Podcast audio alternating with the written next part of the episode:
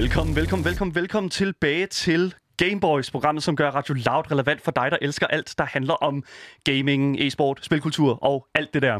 Mit navn er Asger, Og mit navn det er Daniel. og du lytter til Gameboys. Lige præcis. Her på Gameboys, der går vi altså sindssygt meget op i gaming. Uh, men det er der altså også mange andre her på Loud, som der gør. Uh, men de har jo så ikke skudt papegøjen, som vi har, og øh, ligesom har lov til at stå her i øh, 55 minutter om dagen, faktisk en hel arbejdsdag, bare mm. at tale om gaming.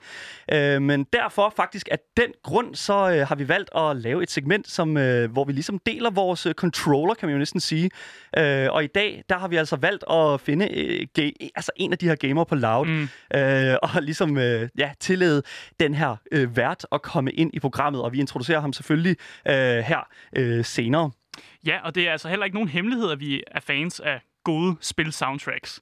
Og det er jo også derfor, vi de- dedikerer en god portion af vores show til at dykke ned i nogle helt fantastiske soundtracks, og sidde ligesom og, og, og nørde over de soundtracks. Lige præcis. Um, og det er jo heller ikke nogen tvivl. Altså, hvis man er hyppig lytter af Gameboys, så sender vi jo fra mandag til torsdag her mellem 14 og 15. Uh, og det betyder jo, at i dag, der går mig og Asger jo faktisk på weekend. Og uh, Ja, tak. lige præcis. Uh, det, vil så, bet- det betyder så også, at, uh, at vi vil lige give jer lytter noget med på vejen her. Og uh, vi har jo et ugenligt segment, som mm. er faktisk bare mig og Asger, der giver jer uh, derude lige sådan de der lige de der spil der til mm. øh, det der ekstra frirum, som en, øh, altså som en weekend, der ligesom tillader. Men øh, jeg, ja, jeg synes sådan set bare, at vi skal sige, sæt dig ned. Der er masser af plads i sofaen, fordi du lytter nemlig til Gameboys. Det var en ny skiller, den har jeg aldrig hørt før. Fantastisk. Men øh, inden at vi øh, kommer alt for godt i gang i kødet på programmet, mm. så skal vi jo lige have den altså regulære nyheds, øh, altså lige den der speak der, fordi at verden, i specielt gamerverdenen, mm. den står altså ikke stille, Asger. Nej, det gør den aldrig. Øh, og vi skal dykke ned i øh, en, en lidt speciel nyhed, fordi når vi sidder og kigger efter nyheder, så sidder vi jo på de forskellige øh, gaming-nyhedsmedier. Øh, og jeg sad på Polygon her øh, og så, at der var en meget interessant artikel, som dykkede ned i det, der hedder sådan virtuelle museumer, men Ja. i spil. Mm. Fordi under corona, der har museum været lukket. Øh, og hvis man godt kan lide at gå på museum, så har man måske været lidt understimuleret.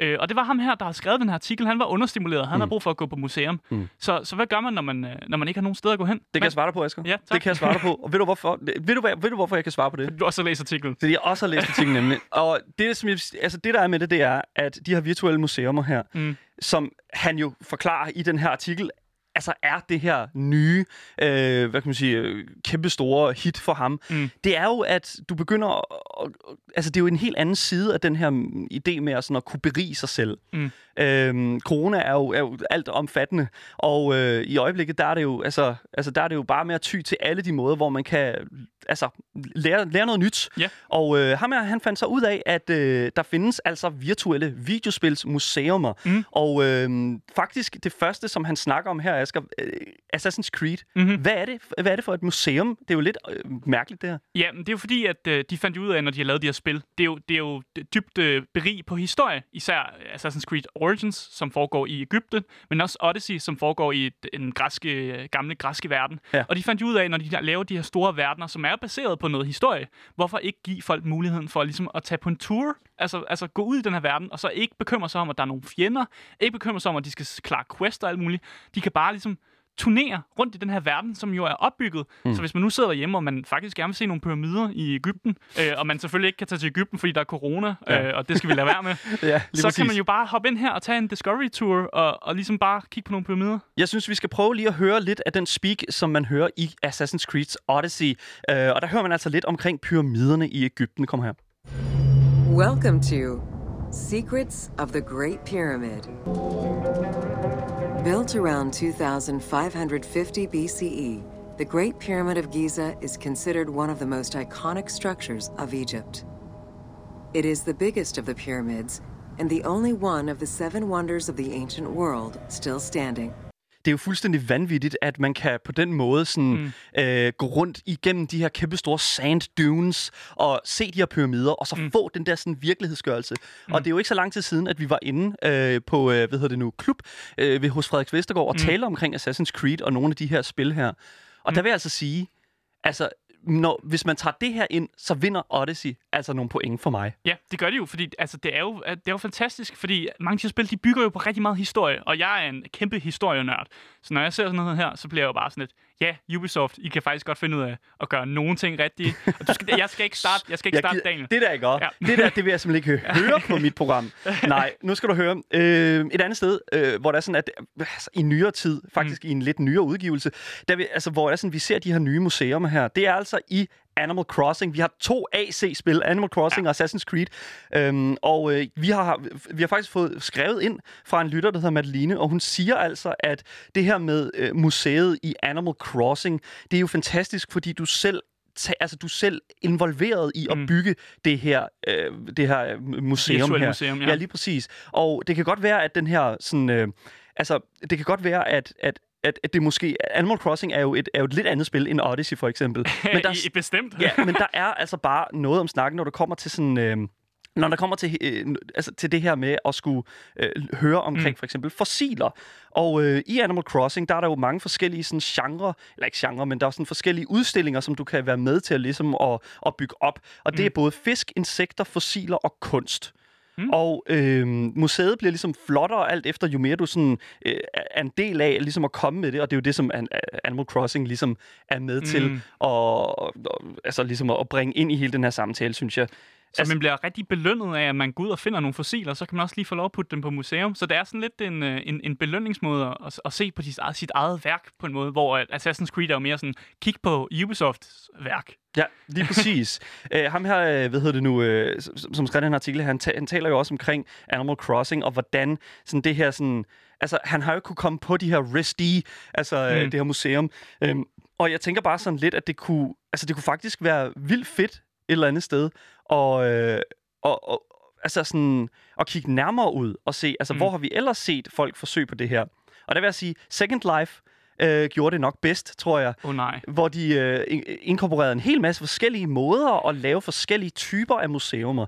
Der var rigtig mange forskellige, og det er jo sådan noget med, at så går du ind i Second Life, og øh, så er der billeder på væggene. Af porno. Nej, nej, det, Af porno, du sagde det, det gjorde jeg Jamen, ikke. det, er, for, det er fordi, du kan ikke bare sidde og gemme det for lytterne. at, at det meste, du vil finde på de vægge, det var jo pornografiske materiale. Det er rigtigt. Uh, Second Life er jo det her sådan second life, altså andet liv, du har på øh, det her, den her platform. Og du, altså, det viser øh, åbenbart at være helt fantastisk, øh, og, og du kan jo hente de her Helt baner. fantastisk at se porno, eller hvad? Ja, nej, men det, for lige at vende tilbage til Animal Crossing. Ja, det, som jeg synes, der er fedt med Animal Crossing, det er netop det her med, at når du samler noget, mm. så får du også noget at vide omkring det, du har samlet.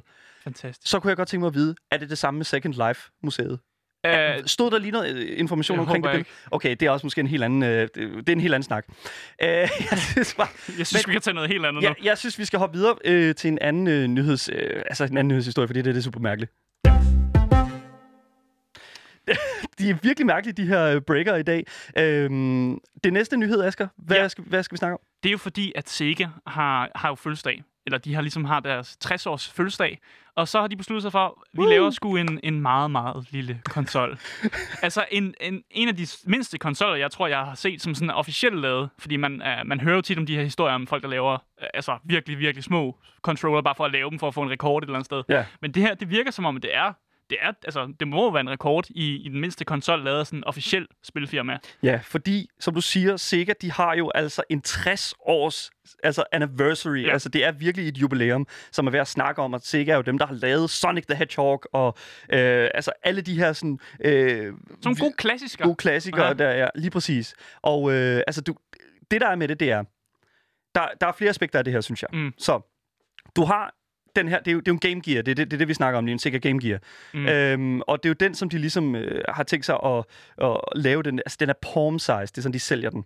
Mm. Øhm, den kommer til at koste 40-50 øh, 40-50 øh, Ja, 40 nej, pund eller 50 dollars. ja, lige præcis, det er Ja. sådan der.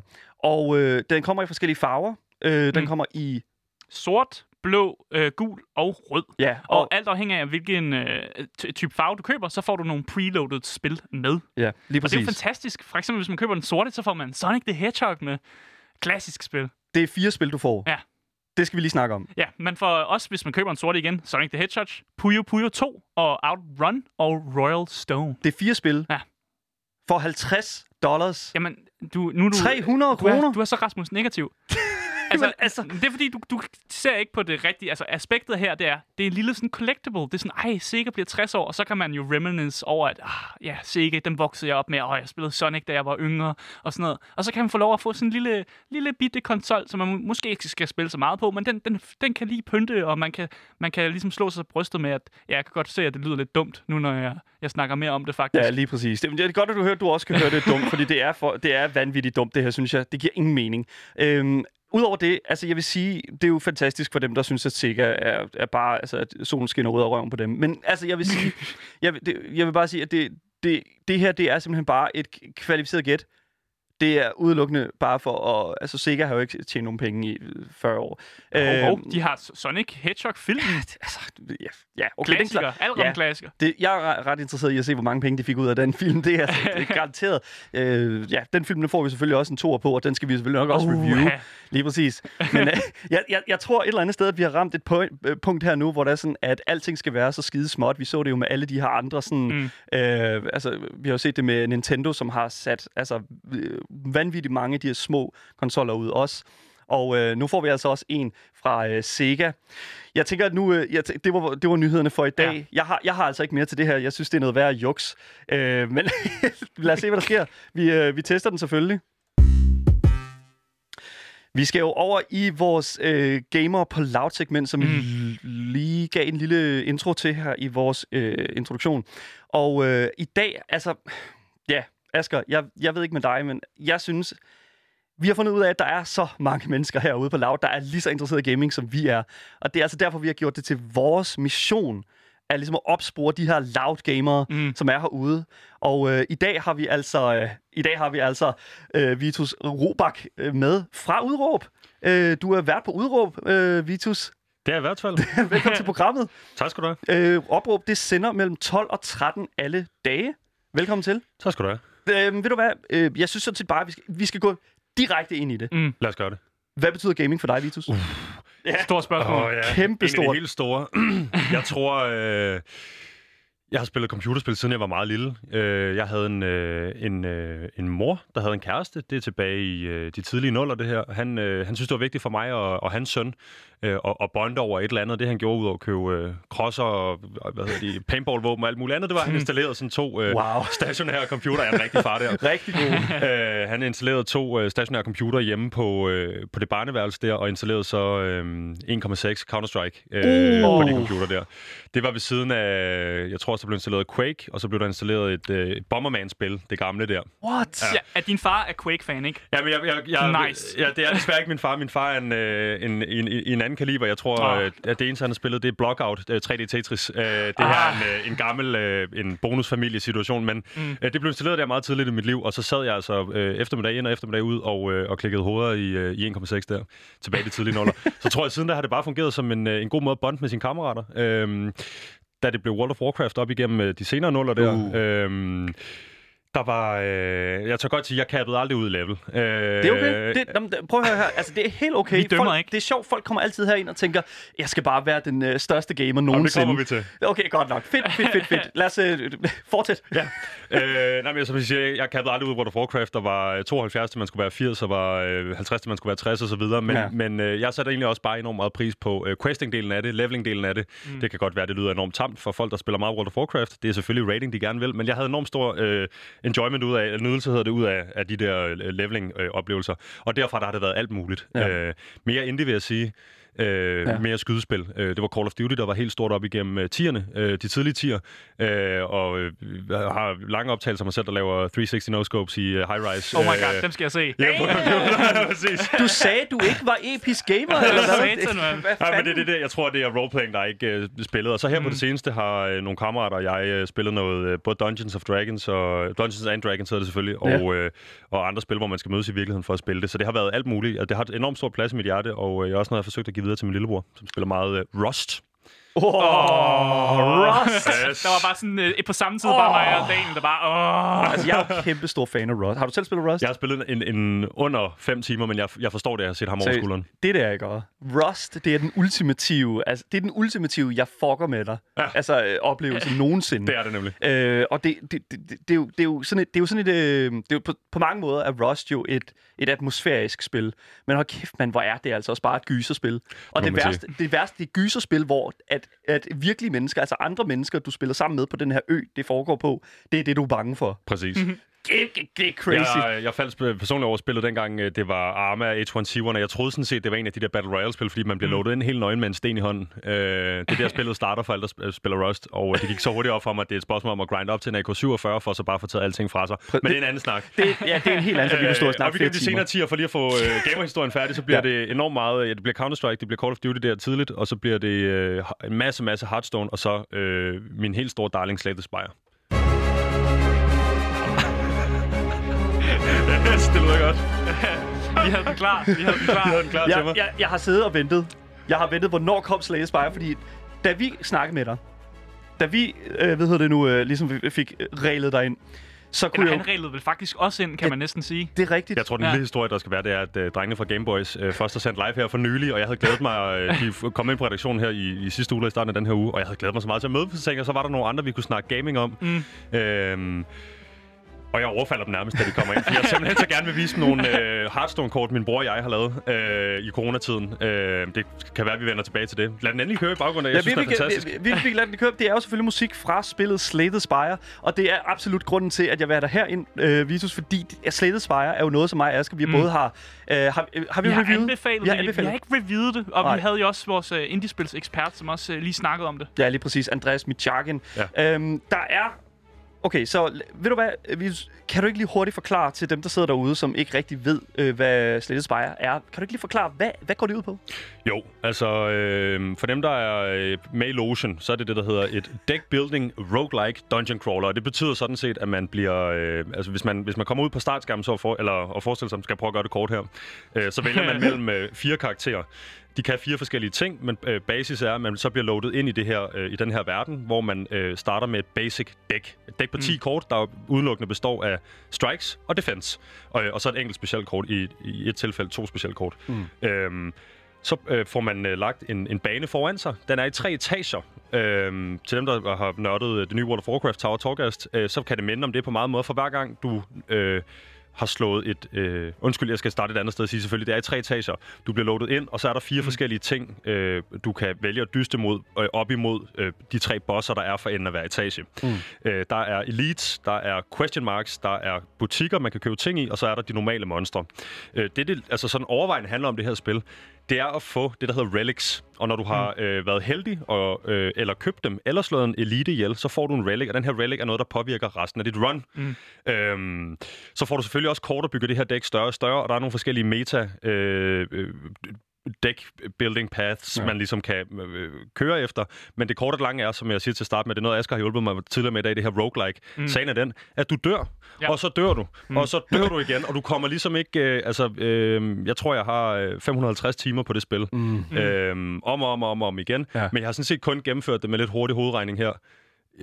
Øh, 40 gange. Og så, vi behøver sikkert gå ned dybt med, hvordan man kan gennemføre spillet 40 gange, og stadig synes, det er sjovt, men det er sådan set et spørgsmål om, at det bliver sværere og sværere, hver gang du har gennemført det. Ja, og så Ja. det fede ved de her roguelike-spil, som du også nævnte før, det er, altså, det er jo meningen, man skal dø, fordi i starten, der har du jo kun dine basic kort, og de kort, du finder, er også andre basic kort. Så det, det spillet gør sådan, at du dør, og så når du dør, så får du unlocket flere nye kort, som du kan finde, mens du quester. Og det er, jo, det er jo der, det bliver spændende. Man får det der, ah, jeg tabte, men du får stadig et dopamin, sådan det der dopamine rush, fordi ja. du får lidt, åh, oh, det er det nye kort, jeg unlocker, det kan jeg finde derude, yes. og så finder man kortet, og så begynder man at lave de her altså når man kommer rigtig ind i det, og man har spillet de der 100 timer, så kan man lave nogle af de vildeste komboer, som findes. Det er jo noget med det der med at bare presse sig selv, ikke? Og det, Mm. altså, det, det er det, jeg synes, den der genre, den gør super godt. Vitus, øh, presser du dig selv til at, at finde tidspunkter i din dagligdag, hvor at du har tid til at spille? Eller er det noget, der kommer naturligt til dig? Både over vil jeg sige, fordi jeg er jo... Øh, mine venner, der øh, sidder hjemme i Discord-kanalen lige nu og raider Wrath of the Lich King på en privat server, de vil kalde mig softcore. øh, jeg, er ikke, jeg er ikke hardcore, men jeg er, øh, jeg er enormt glad for at spille, som jeg også sagde tidligere, og jeg tror, øh, sådan et individuelt øh, soloplayer-spil som Slave Spire, det presser mm. jeg ikke mig selv til. Fordi det er simpelthen så hyggeligt, og det er så meget en glæde for mig at sidde og spille det spil, at øh, det, det kommer naturligt. Mm. Så nogle skydespil som Counter-Strike, Valorant og hvad der ellers har været hen for de sidste halve års tid, det er noget, man godt nogle gange lige skal presses lidt til eller noget, fordi mm. det er krævende. Det er ikke sjovt, hvis man ikke giver det sin fulde opmærksomhed osv., men, men Slave the Spider kan jeg også øh, læne mig tilbage. Altså, jeg har mm. oplevet, at jeg kom hjem fra en bytur en gang imellem og været enormt fuld, øh, og så tænkte jeg, jeg skal da lige have en tur der, ikke? så får mm. man selvfølgelig bare klask, for det er også et matematisk regnespil. Det, det er det jo. Det, altså, det kan man jo ikke løbe fra. Et andet spil, som er også er, er relativt matematisk, det er i hvert fald i mit hoved, det er i hvert fald Hearthstone. Har du musik med derfra også? Øh, det har jeg ikke desværre, nej. Den, den er ikke queued op. øh, men Hearthstone er jo Blizzards øh, kortspil, som er en, altså alt, det, det omfatter ligesom World of Warcraft-universet, det har mm. vi også talt lidt om nu. Øhm, men en ting, som, som faktisk også noget af det, du sagde, du, du vil vise os, det var noget, du kom hen til os med din telefon, og øh, frem med den kom der altså Hearthstone-kort, men med bamse og kylling inkorporeret. Det er jeg nødt til at lige at få ja. at vide. Hvor helvede finder du så noget? Jamen, jeg tror, jeg vil sige... um, og bustet på landstækkende. øh, jeg, hvad hedder det? Øh, jeg har jo, øh, ligesom alle andre, gået igennem en, øh, en, en periode i mit liv her de sidste par måneder, hvor der har stået corona på dagsordenen, øh, mm. på menuen, så at sige. Øh, nogle har øh, lavet kunstprojekter, og nogle har været kreative, nogle har gået i skole og alt muligt andet. Jeg har primært arbejdet på den her radio, og så har jeg siddet øh, derhjemme i nogle kæmpe store grineanfald med min øh, bror, øh, Louis, og øh, lavet de her hardcore, mm. øh, eller Hearthstone-kort selv. Og det startede sådan set bare med, at han gør mig opmærksom på, at der findes en Hearthstone card maker på nettet. Fantastisk. Og så tænker jeg, okay, fedt. Ja. Og så tænker jeg, hvordan er det lige, vi sidder i en, i en Discord-kanal, som er en, en moderne Skype. Øhm, så tænker jeg, hvad fanden er det, jeg gør her for at til at flække af gen, ikke? så laver du et kunstprojekt, fordi det var det, du snakker ja, om. Det kan man jo lave. Jeg et kreativt kunstprojekt, så går jeg ind og laver en, en lille serie nogle bamsekort, og min bror der, han er en flækket fucking træsko. Altså, han er flad af grin, og det er de andre drenge der også, og så sætter den sig ligesom, så, så tager han den videre. Han, han, øh, han bygger lidt ud på Bamse-universet, så vidt jeg husker først. Mm. Øh... Bamse-loren. Man skal lige forstå, man skal lige forstå, hvordan Bamse og Kylling og deres interaktioner med Luna og alle de her karakterer ja. er, før Aske. man kan lave et ordentligt, øh, nogle ordentlige Hearthstone. Ja, jeg tror, for, for, for lytteren, der aldrig har spillet Hearthstone, så forestiller Pokémon, forestiller Yu-Gi-Oh!, forestiller ja. Magic the Gathering. Duel Masters. Øh, oh, ja. gode gamle. Ja. Øh, det, er, det er sådan set bare de variabler, man har arbejdet med. Det er, hvad koster kortet? Hvad, hvad giver det i skade? Hvad har det i liv? Hvad er titlen på kortet? Hvad for en øh, klasse tilhører kortet? Og øh, mm. Hvad for nogle aktive øh, eller øh, Hvad kan passive, de ud over? Me, ja, me, ja, mekaniske ting. Hvad kan de ud over det? Ja, lige præcis. Øh, og det vil sige, hvis man så for eksempel, jeg lavede et kort, der hedder Come on, come on, kylling, som er den her klassiske ting, Bamse siger, øh, når, når kylling skal følge efter ham, og så ligesom prøve at få det til at passe ind i noget, som mm. også vil være realistisk i et Hearthstone-game. Men så kommer min bror tilbage. Han laver så, jeg tror det er det, han går i gang med Monster Sync, øh, patchen, så at sige. Og vi har, det, altså, vi har det grinerne over det her i, i lang tid, før det ligesom udvikler sig til, at han laver et, øh, et Wuhan Plague-kort. Oh, okay, så okay. Yes. Men, men må, jeg, må jeg gætte på, at Come On, Come On Kylling, den, den, den får kylling frem? Den summoner, den, ja, det, det, det er et mage-kort, så den uh, conjurer en kylling til din hånd, for dem, der spiller uh, HS. Tænk det nok. Øh, til dem, der er tunet ind øh, først nu og øh, gået, altså, kommet ind i den her samtale, så er vi altså i gang med at tale med Vitus Robak, som er vært på Opråb. Udråb. Ja, Udråb. Udråb okay, sorry. Ja, det er jeg ked af. Øhm, og vi er Game altså, Ja, og vi er altså, øh, ja, du lytter selvfølgelig til Gameboys med mig, Daniel. Og mig, Asger. Øhm, Vitus, hvad er dit yndlingsspil nogensinde? Oh, jeg oh, tror, ja. det spil, jeg har haft allermest glæde af, det må være Call of Duty Modern Warfare 2. Det er sjovt, du siger det. Ja. For det, det, det havde jeg faktisk ikke regnet med. Nej, men jeg tror, jeg havde, øhm, jeg tror, jeg havde fundet et skydespil på det. Jeg havde både spillet Quake, og jeg havde spillet øhm, hvad hedder det, de tidlige Counter-Strike-spil. Jeg ja. har spillet alt muligt andet. De mm. der dårlige, øh, hvad hedder de, øh, dem Steam kom i bundle sammen med Counter-Strike. Day of Defeat. Day of Defeat, ja. Oh. Noget af den stil. Ja, Source virkelig, Engine. Ja, virkelig. Ja. Rigtig sovset. Rigtig mm. sovset engine der. øh, og så falder jeg over det der spil, og jeg sidder med en kammerat øh, og spiller det i mange timer. Vi bliver virkelig dygtige til det, øh, og der, der tror jeg også bare, det er en af de spil, jeg har lagt flest timer i, og føler, jeg har fået mest ud af. Og så tror jeg, altså den, del, den må dele førsteplads med Slay the Spire, som jeg synes er helt fantastisk. Mm. Ja. Nå, altså 100 procent. Jeg, øh, jeg har du nogensinde spillet Doom egentlig? Det er ja. totalt... Det, det var Doom, jeg ledte efter, før jeg sagde Quake, og, ja. og ikke kunne ja. huske det. Jeg har også spillet Doom. Det var en af de spil, der blev installeret tidligt på ja, min okay. computer der. Fantastisk spil i øvrigt også. Øh, men, men jeg tror, jeg har været så ung dengang, at øh, det, var, det gik aldrig rigtig op for mig, hvad vil det sige, ligesom at Doom var noget mere rodet, end både DF Defeat og Counter-Strike var. Mm. Øh, men for eksempel sådan et spil som øh, de tidlige Battlefield Vietnam, for eksempel. Det gik lidt hen over hovedet på mig, fordi der var så meget, jeg skulle fatte, som jeg ikke fattede. Jeg ville bare gerne Ja. ud og skyde nogen i hovedet, for jeg kom fra Quake, og jeg kom fra Doom. Mm. Øhm, hvor øh, Call of Duty øh, i den der meget aggressive, øh, rush-agtige tilgang, der var til de der deathmatch-spil, Ja. øh, spil, at det gik bare stærkt. Mm. Øh, det tror jeg bedre kunne forholde mig til, for det er bare mig, der skulle ud og være god til at skyde folk i hovedet, uden ligesom at skulle tænke på, om min placement var rigtig, og jeg kunne finde ud af at lægge smokes og alt muligt andet, vi Mm. så senere hen. Ikke? Ja, lige præcis. Jeg, jeg, jeg er personligt stor fan af, altså net, netop øh, på samme måde, ligesom, altså Quake var også det første sted, jeg sådan startede, altså i hele sådan shooter-genren, og altså det der med sådan at have den der sådan fuldstændig, den der fast-paced, altså Mm. sådan specielt til LAN. Jeg ved ikke, om, Mhm. om er du, er du, har du været meget til LAN-parties? Ja, men jeg husker de der lag som værende overvejende World of Warcraft øh, lag Okay. dengang. Ja, Ja, ja okay. men det deler jeg selvfølgelig. Ja, Ja, jeg lige elsker det jo. præcis. Vi skal, vi skal have et øh, Radio Loud lag på et eller andet tidspunkt. Åh, oh, Seriøst? Ja, jo. Ej, Du skal, ikke, du skal ikke gøre sådan her. Du vil gerne have det.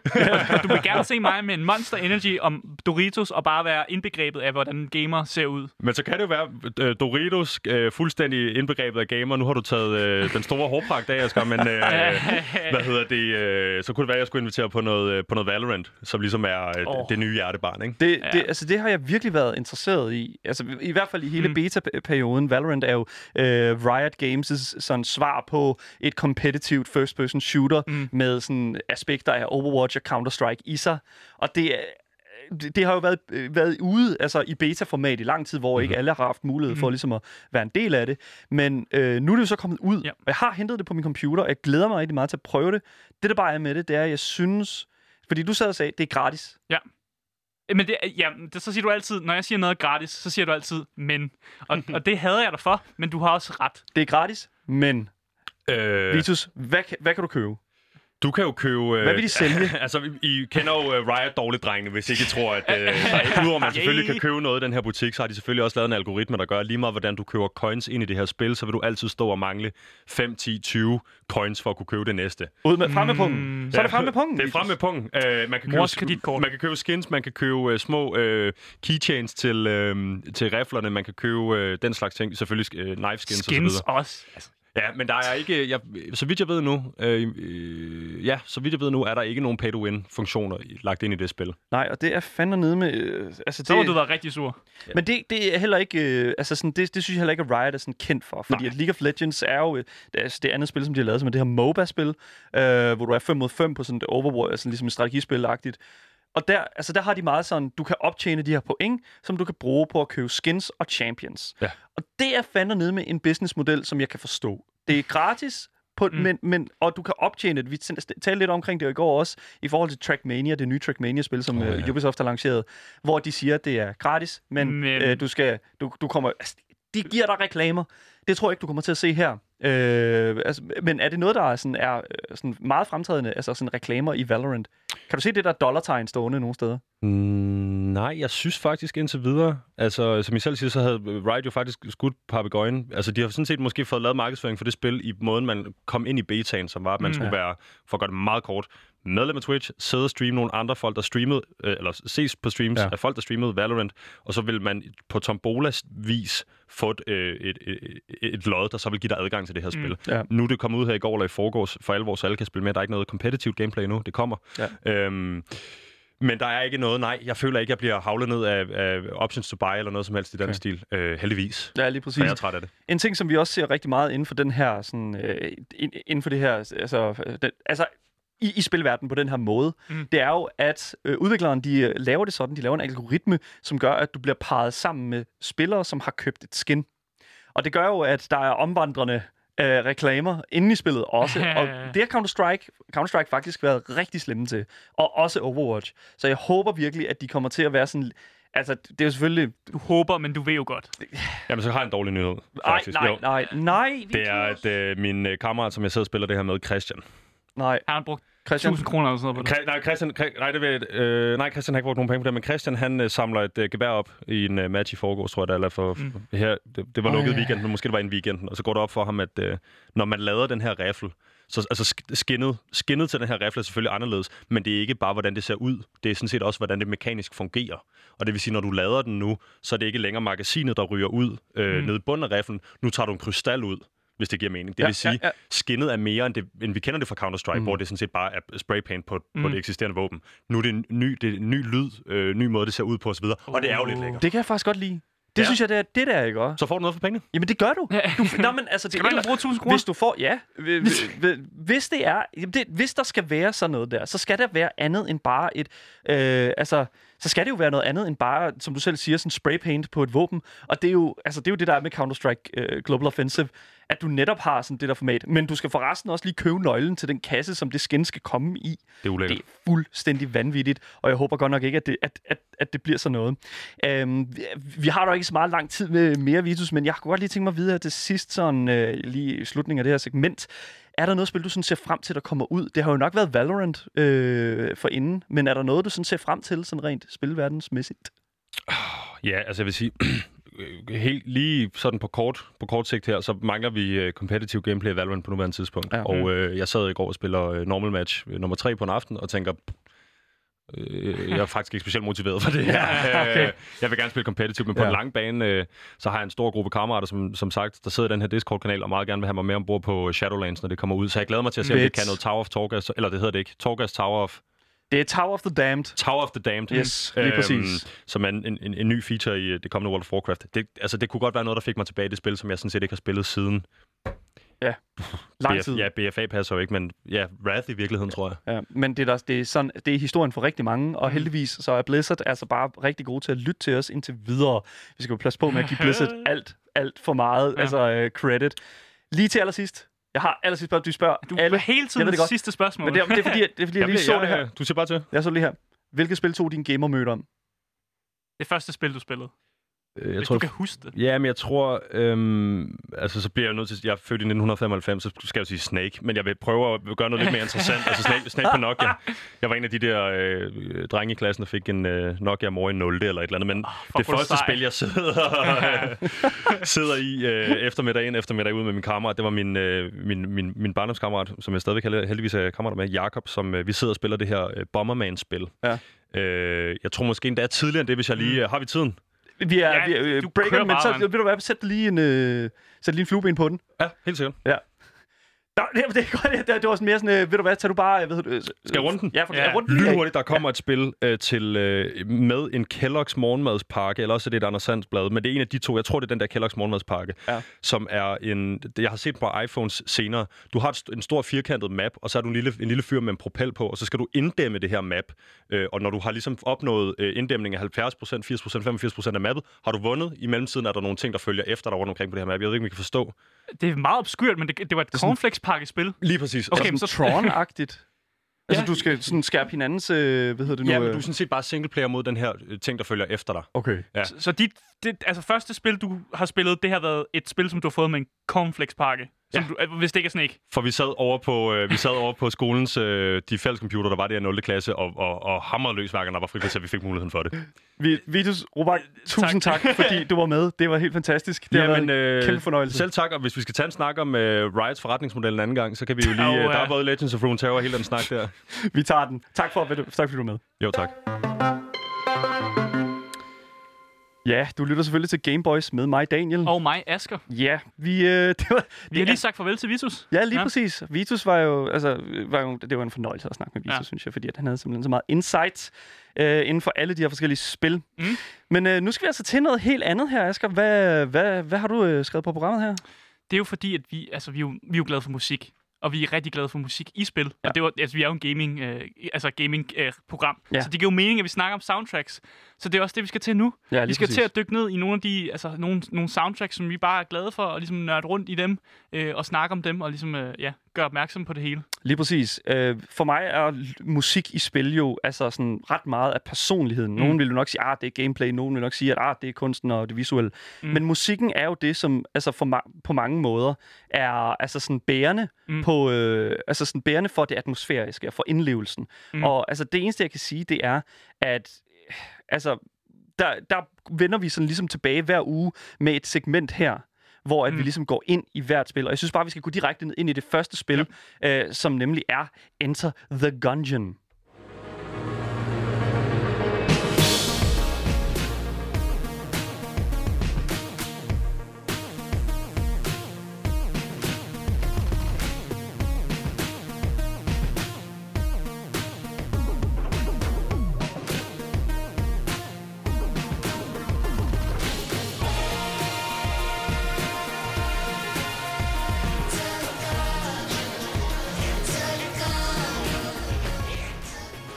Jeg, jeg synes bare, lige præcis den her sang ikke, Mm. er så fed.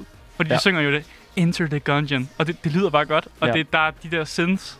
Og man kan næsten godt høre, at det er sådan lidt et 8-bit-spil, du skal til at spille. Mm. Fordi det er jo det, det er. Altså, ja. det, vi har jo snakket meget om de her dungeon crawlers, og, og det er også det her, det er. Det er en dungeon crawler, som blander sig lidt med sådan en bullet hell-agtig Ja. spil, hvor du skal altså, undvige en hel masse skud, samtidig med, at du ligesom er er igennem den her dungeon. Og du spiller jo som de her misfits, som så skal igennem, og de skal jo finde så pistolen, der kan dræbe i fortiden. Ja. Øh, og, og det er jo bare klassisk. Du vælger en held, og så kæmper du igennem øh, den her, ja, de her dungeons og, og klarer nogle bosser. Ja. Uh, Enter the Gungeon har overwhelmingly positive mm. uh, Mm. reviews på Steam, og det går jeg jo meget op i, når det er sådan, at du uh, sådan kigger på uh, altså kigger på videospils uh, anbefalinger og den mm. Slags. Uh, det er lavet af Dodge, developeren Dodge Roll og publiceret af Devolver Digital. Mm. Um, og altså allerede der, det skriger det jo bare altså vanvittigt meget uh, altså sådan kvalitet. Mm. Men rent musikmæssigt, Mm. der synes jeg virkelig, at der er sådan der er dele af øh, af det, som ikke bare er det her, sådan, som vi hører lige nu, for eksempel, sådan, bare sådan, Ja, du ved, titelmelodi ja, lige præcis. Og det vil jeg faktisk gerne lige spille lidt for, øh, for nu, hvor Mm. det er sådan, at virkelig, virkelig understrege den der synth-del af det. Mm. Og det kommer altså her. Det kommer her.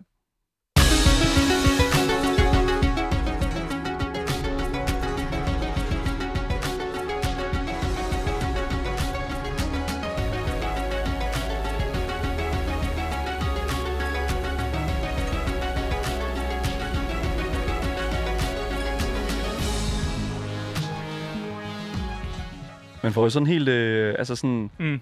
Det er bare meget atmosfærisk. Ja. Og det er, jo, det er jo faktisk også derfor, jeg har valgt det her musik.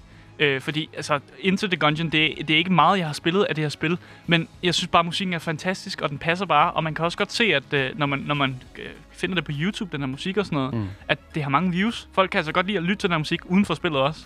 Lige præcis. Altså, øh, jeg har lavet lidt øh, research her på, hvem der er, der står bag mm. Musikken, og det er altså Dose One, øhm, og øh, med hjælp fra en, der hedder Joe Hardy. Mm. Øhm, helt klart, altså, det giver mig sådan vibes fra sådan Hotline Miami lidt også. Ja. Bare med lidt mere sådan, du ved, øh, lidt mere, lidt mere symbols, lidt mere sådan, altså sådan strygervenligt. Mm. Øh, og det er jo fordi, det er to vidt forskellige spil. Det Mm. her spil her, det er jo meget mere fast-paced, føler jeg. Og Øhm, kalder du Hotline Miami ikke fast-paced. Ja, fordi Hotline Miami er mere taktisk fast-paced, vil jeg sige. Det er, jo, det er jo ind og ud, ind og ud hele tiden, hvor Ja. at jeg føler, at Enter the Gungeon er bare sådan dodge roll, dodge roll, øh, find, din, øh, find skuden igen, og så øh, sk- skyd videre på dem. Mm. Og det er, altså, det er super godt. Øhm, øh, det, er et fedt, altså, det er et fedt format. Øh, det, der bare er med det, det er, at, at, at jeg kunne godt... Altså, jeg kunne bare godt bruge... Øh, ej, det jeg, jeg skulle lige sige, at jeg kunne godt bruge lidt mere personlighed, men det er der jo i musikken. Ja. Du, øh, men, men som du plejer at sige, Asger, Hvis man kan nynne den, så er den uh, mindværdig. så er den mindeværd. Og jeg kan det- godt nynne den her, men det er fordi, de synger Into the Gungeon i titelmelodien, så det er kun derfor faktisk. Ja, lige præcis. øh, altså, jeg vil sige, at der, er- der, er, nogle, der er selvfølgelig nogle, nogle fede ting her at hente mm. i musikken, men øhm, jeg, vil, jeg vil nok ikke lægge mærke til det, når jeg spiller det. Altså, det er sådan, jeg, jeg lader Fair. mærke til den i første gang, jeg spillede det, og derefter, så tror jeg bare, at den bliver sådan en del af det visuelle. Og vi har mm. Snakket om dynamik, hvordan det komplement, altså, musikken komplementerer øh, dynamikken, der sker på skærmen, og øh, det, det er Enter the Gungeon vanvittigt gode til, mm. Synes jeg. Jeg synes, vi skal gå videre til det næste spil, som vi har på listen yes. Her, for vi har jo nogle stykker faktisk. Øhm, og Asger, det her det er altså også et spil, som du har sat på. Øh, Ja. Kan du ikke lige lave en lille hurtig intro? Jo, øhm, Cuphead. Det, det er, ja, hvis man kan gøre den så simpel. Men det, altså, det var et meget virkelig højt elsket spil på i communityet, altså YouTube-communityet. Der var her mange YouTubers, der spillede det. Men det er det her run and gun game, som ligesom øh, blander elementer af, hvordan en tegneseriesfilm fra mm. 1930'erne så ud. Så det er ligesom alle de her lidt, lidt øh, wacky cartoons, der render rundt, samtidig med, at du bare altså, løber og gunner.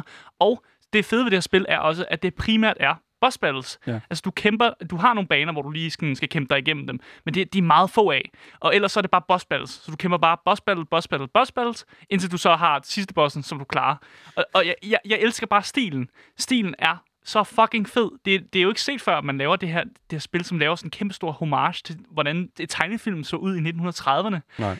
Men så samtidig med, at musikken, musikken passer perfekt Den skal den virkelig her. sidde ja. der, ikke? Ja. Altså, hvis man skal lave den her æstetik. Mm. Og der vil jeg altså bare sige, der er simpelthen... Altså, der er...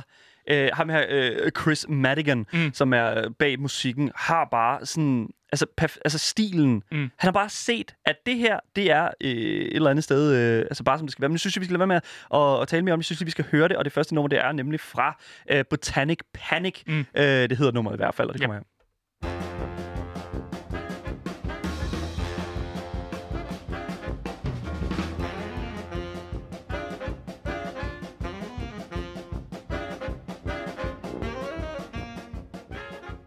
Ja, det er jo Der er en panik. Af, jamen, det er en af de første bosser, du møder. Fordi du møder øh, en masse af de her alt for store grøntsager, som du skal kæmpe mod. Øh, og, og det er ligesom den her, den her have fra 1930'erne, hvis man kan, hvis man kan forestille sig sådan en, en masse forvoksede grøntsager, som sådan har lidt et bisk udtryk i sig, og det en kæmpe stor gulerod, som er rigtig sur på dig. Øh, og, og det er bare sådan, øh, man er lidt i panik, ikke? Det er Ja. den her havepanik. Jeg ved ikke, hvis man nogensinde har været ude i haven for at lave havearbejde, og man øh, skal, skal hurtigt få gulerødderne op af jorden. Jeg er altså ikke så meget i panik der, Nej, når det jeg tror er jeg ude. heller og- det, det er jeg altså ikke. Øh, jeg synes, vi skal prøve at sætte et andet nummer på, mm. øh, som er fra øh, en, en, en helt anden altså, del af spillet. Ja. Øh, det er fra, altså, nummeret hedder Floral Fury. Altså, jeg synes, navnene er helt fantastiske. Ja. Øhm, og det- det har, jeg synes, det har en lidt anden karakteristik øh, Mm. til sig. Det hører vi her.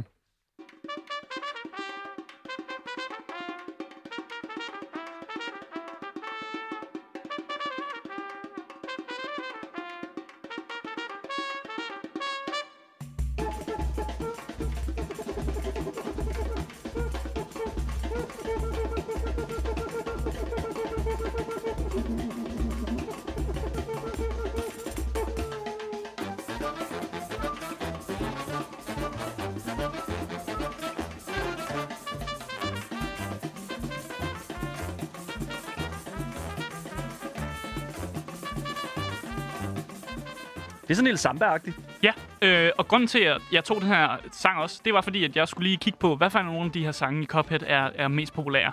Øh, og den her Foral, øh, Foral Fury har fået 5,3 millioner øh, hits på YouTube. Damn. Øh, og det er den sang, der spiller, når man kæmper mod den her kæmpe store plante, som minder lidt om den her altså Piranha Plant fra Mario. Ja. Så der, der er helt klart nogle referencer derfra, men den minder også lidt om den her grøntsagekamp, faktisk. Det er Ja. også bare en stor forvokset plante, som ser lidt bisk ud, mens du kæmper mod den. Den tager ligesom nogle, øh, altså Cuphead-musikken tager ligesom nogle, øh, nogle, nogle pointers her fra, øh, fra, altså, fra en tid, hvor at øh, alt, alt muligt var Mm. populært. Mm. Og øh, for, altså, det, det er fedt, de inkorporerer det på den måde, og jeg er virkelig, virkelig stor fan af øh, det her øh, soundtrack. Mm. Jeg synes, vi skal gå videre til øh, det Ja. næste øh, spil, som vi har sat på her, og jeg tror ikke, at det er nogens, øh, nogens overraskelse. Jeg tror bare, skal jeg ikke bare spille Jo. intromelodien? Jo. Jeg, jeg, jeg, dro- jeg dropper simpelthen at lave en intro.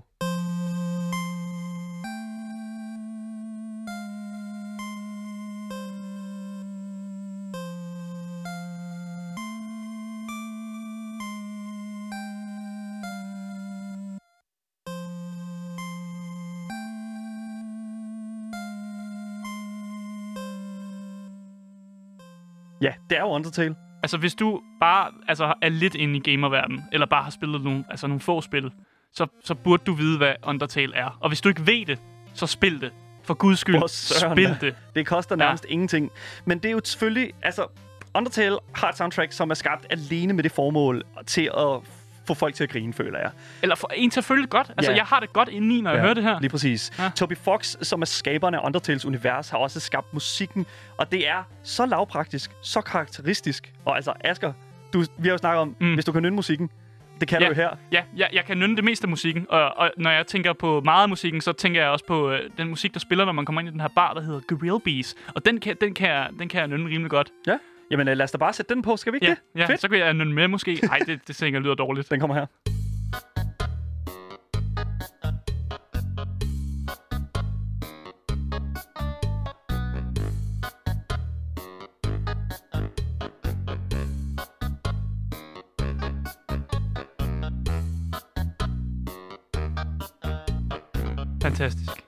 Det er sådan god bebop-musik, som jeg kalder det for. Du bliver vildt godt humør af, Ja. ja. af, af det her nummer, synes jeg. Og øh, altså, det sætter dig i det er sådan en helt rigtig mindset til Mm. sådan det der med at have a good time. Ja. Øhm, når du træder ind i baren Grillbys, så kan du virkelig sådan mærke, at sådan, her er der fest. Ja. Her er der gang i den. Og jeg, jeg kan også bare forestille mig, at når den her spiller, ikke, så i mit hoved, jeg ved ikke hvorfor, men jeg har bare sådan et øh, der kører. Jeg ved ikke, jeg ved ikke hvad det er. Det er fordi, at det her øh, nummer er også Sanses, en af karaktererne fra Undertales øh, temamelodi. Mm. Og øh, det, altså, det synes jeg bare, det, det fungerer. Altså, det, det er virkelig, virkelig godt, og det er sådan rigtigt, som jeg sagde, du bliver bare i godt humør. Ja, og man tænker også på en af de, en af de bedste karakterer i Undertale, uden tvivl, Sans jo. Altså, Lige præcis. man altså, kan jo ikke andet end blive glad. Nej, lige præcis. Udover det, så har jeg selvfølgelig også et personligt yndlingsnummer, og jeg tror, altså, jeg tror, alle ved, hvad mit yndlingsnummer er. Øh, hvis de kender mig i hvert fald. Mm. Og jeg tror bare, jeg vil spille det nu.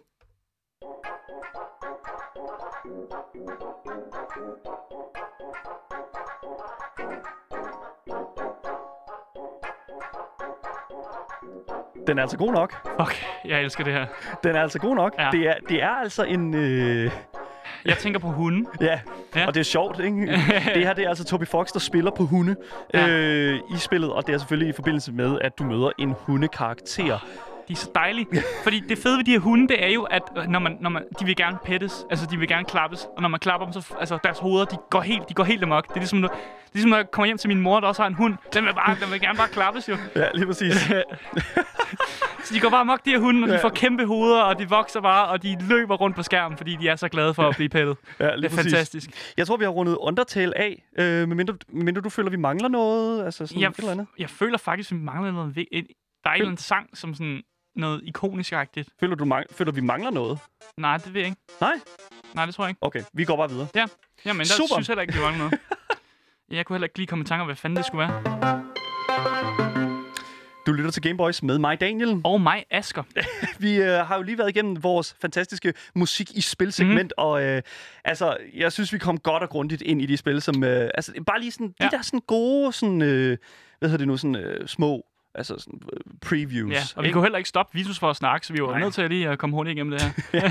Men vi render jo altså mod enden af programmet. Mm-hmm. Men jeg vil altså lige sige, inden vi lukker og slukker for vores konsoller, trækker batteriet ud til opladning, så synes vi altså lige, at vi skal have øh, nogle spilanbefalinger Mm. øh, og lige give dem til jer øh, lytter derude, øh, fordi at nu får, kommer der jo lige noget weekends frirum, Mm. i hvert fald for mig og Asger.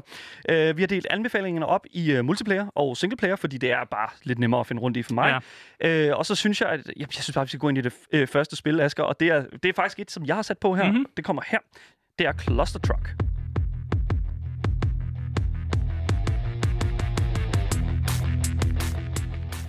Cluster Truck er jo, altså...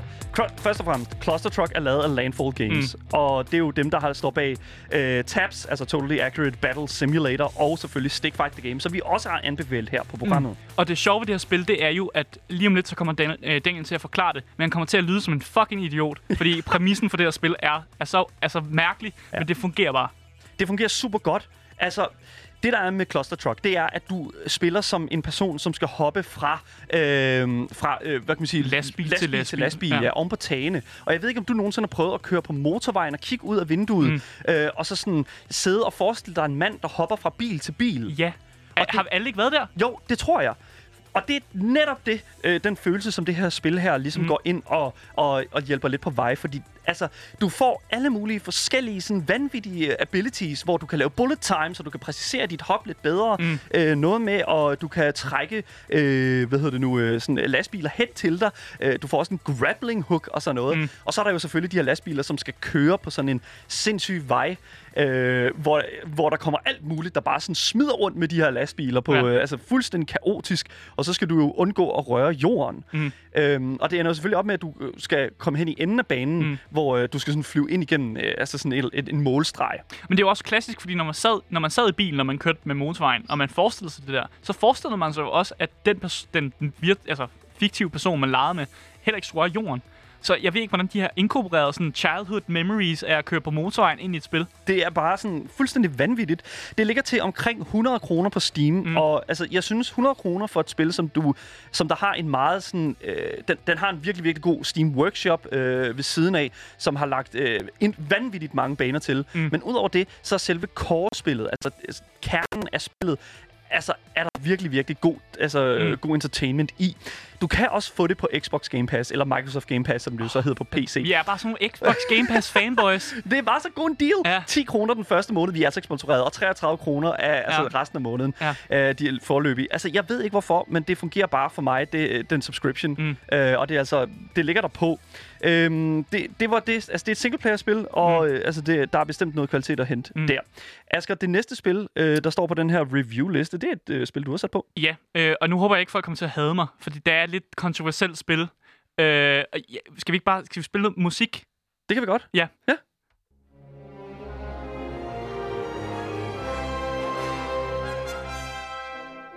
Jeg Ja. kan høre Trothorn. Ja. Jeg kan høre Star Wars Trothorn her. Jeg vil godt med, med sådan lidt bøjet hoved, men også lidt, øh, lidt oprejst, øh, anbefale Battlefront 2.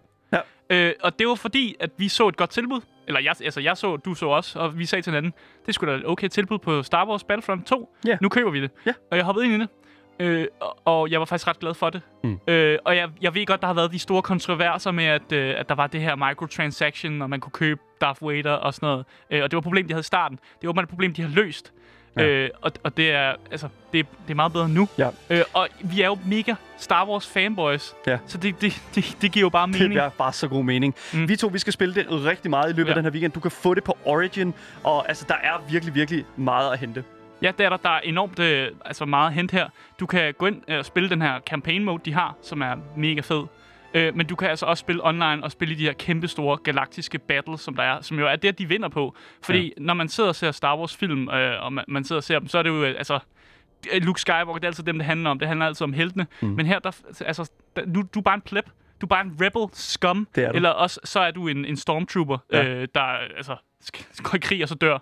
Ja, altså, det der er, det der er med Battle, Battlefront 2, Mm. det er, at jeg synes, at det startede, selvfølgelig som du sagde, det startede ud rigtig skidt. Men det, der er sket nu, ja. Det er jo, at de har altså, picked up the pace, og det skulle man altså ikke tro om EA, Nej. fordi det er de altså ikke kendt for.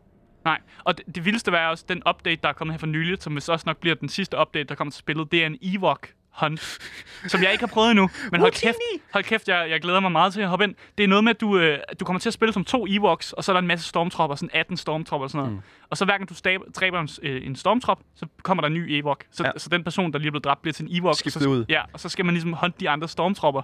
Ja. Øh, og jeg, jeg, kan, jeg har ikke prøvet det, så jeg, jeg kan bare forestille mig, det er grineren, Ja. og hvilket våben man har, når man er en lille Ewok. Øh, Men det, altså, ja. Ja. jeg vil sige, der er jo også en, øh, hvad hedder det nu, øh, altså, der er et element af, der, er- der er et element af sådan mange forskellige spiltyper mm. i øh, Battlefront 2, Ja. vil jeg sige. Øhm, men det, som jeg synes er allerfedest, det er jo det her med, at du kan, øhm, altså, du kan, du kan pimpe din karakter ud. Ja. Det kan du jo. Ja. Men du kan også få de her, du kan få de her hero coins, Ja. som gør, at du kan spille de her sådan, traditionelle, virkelig sådan, velkendte ka- karakterer. Ja, det er jo bare big ball, Altså, når, det- man endelig, ja. når man endelig får lov at bare rende rundt som Kylo, altså Kylo Ren. Og fordi de, det, er det fede ved, jeg har også spillet Battlefront 1, som jeg også var glad for. Men det, det fede er jo, at de to der har de jo inkorporeret alle de fra de, de nye trilogier også. Mm. Øh, og så kan man jo mene, hvad man vil om, om, om de film er gode eller ej. Men det er jo bare fedt at se nye, altså, de nye karakterer, og de er jo ikoniske, fordi altså, jeg synes faktisk, at Finn er en ret altså, sjov karakter Ja. øh, at rende rundt som. Mm. Øh, og jeg synes faktisk også, at lige præcis hans rolle i Star Wars var sådan, var, var, jeg synes, det var godt. Jeg synes, Jo- John Boyega gjorde det rimelig godt som, øh, som Finn. Jeg ved ikke, altså hele det sådan, øh, hele universet, altså det, det, det er jo fedt, de har inkluderet den her del af det. Mm. Det jeg lige manglede fra Battlefront 2, det er jo at inkorporere sådan hele Clone Wars, Ja. øh, hvad kan man sige, øh, kanonen i. Clone Wars er jo øh, en, en serie, mm. Som er udviklet på siden af, altså, altså den, den er jo faktisk kørt i rigtig, rigtig mange Ja. Og øh, der er jo rigtig, rigtig mange sådan, velkendte mm. Mhm. ansigter fra. Og altså, vi har jo lige fået, altså, øh, øh, vi har jo lige fået sådan uh, The Ma- Mandalorian-serien. Mm. Og øh, altså, vi får jo en sæson 2 her lige om lidt, som giver dig sådan en, altså, øh, som inko- inkorporerer en hel masse af Clone Wars-karaktererne mm. i den serie. Så hvis vi får et Åh. nyt Battlefront, så kunne jeg altså godt tænke mig, at det blev videreudviklet, det her med at sådan inkorporere sådan The Extended Universe, øh, som vi jo har ud over de her sådan, øh, ni film, som mm. vi har indtil videre. Mm. Men altså, det, det bliver også fedt, fordi det kan være, at de inkorporerer Baby Yoda. Hvem ved, eller flere memes for den sags skyld. Jeg, jeg kiggede lidt rundt, for jeg skulle lige se, om der var nogle, øh, nogle små easter eggs i spillet, og jeg kiggede jo på voice lines for at finde ud af, okay, er der nogle fede, øh, fede voice lines? Og der er den klassiske øh, Obi-Wan, som siger, hello, Hello there. there. Ja. lige præcis. Så, når den er der, så, altså, så er det jo bare fucking fantastisk. Det er, vi er ved at være slutningen af vores program. Der er ikke meget mere tilbage, men jeg kunne godt lige tænke mig at spørge dig, Asger. Mm. Hvad skal du lave din weekend? Jeg skal sidde og spille Valorant. Woo! Fordi det, det var faktisk Vitus, der, der inde på kontoret, han sagde sådan, hey, har I har spillet Valorant endnu? Så var vi jo nødt til at, at, ligesom at indrømme, det har vi faktisk ikke. øh, og det kom ud her for to dage siden, altså det kom ud af betaen. Øh, så nu skal vi, altså vi skal spille det, vi skal prøve det, og vi skal mm. jo nok også review det næste uge. Ja. Øh, så det skal jeg sætte mig ned og spille i hvert fald. I kan, I kan tage det Ja. som en, en anbefaling fra vores side af, i hvert fald os, tænker jeg. Ja. Jeg skal også spille øh, et spil, der hedder Man Eater, som handler om øh, ja, en hej, der går amok. Fordi vi, vi ved jo godt, vi kan jo ikke bare blive ved med at, at review gode spil. øh, vi bliver også nødt til at review nogle spil, som måske ikke er blevet modtaget særlig godt. Øh, og vi har jo kigget på det spil, der hedder øh, VR Jesus, hvor man spiller som Jesus i VR. Øh, og, og nu synes jeg da også, at vi skal kigge på noget, hvor man får lov at spille som kæmpe stor hej. Ja, lige præcis. Mm. Det er jo noget, I kan se frem til i løbet af næste uge. Øh, altså, det bliver vanvittigt. I, I den her uge har vi jo kun sendt i to dage. Ja. Øh, og Det var er- genudsendelser de andre dage, hvis I ikke øh, hvis I ikke lige fangede den, og kvaliteten er jo også blevet lige det bedre, synes jeg. Ja. Øhm, men I kan se frem til en, altså et virvar af vanvittige, fede, altså sådan gamer-relaterede øh, topics fra mig og Asger. Øh, altså, mm. hvad kan man sige, faktisk øh, altså, flere uger frem nu. Altså, det bliver vanvittigt. Men jeg tror faktisk, skal vi ikke sige, at det var det for i dag? Jo. Hvis du brænder inde med spørgsmål til øh, Vitus, eller os for den sags skyld, så kan I altså skrive til os på vores e-mailadresse, som er gameboys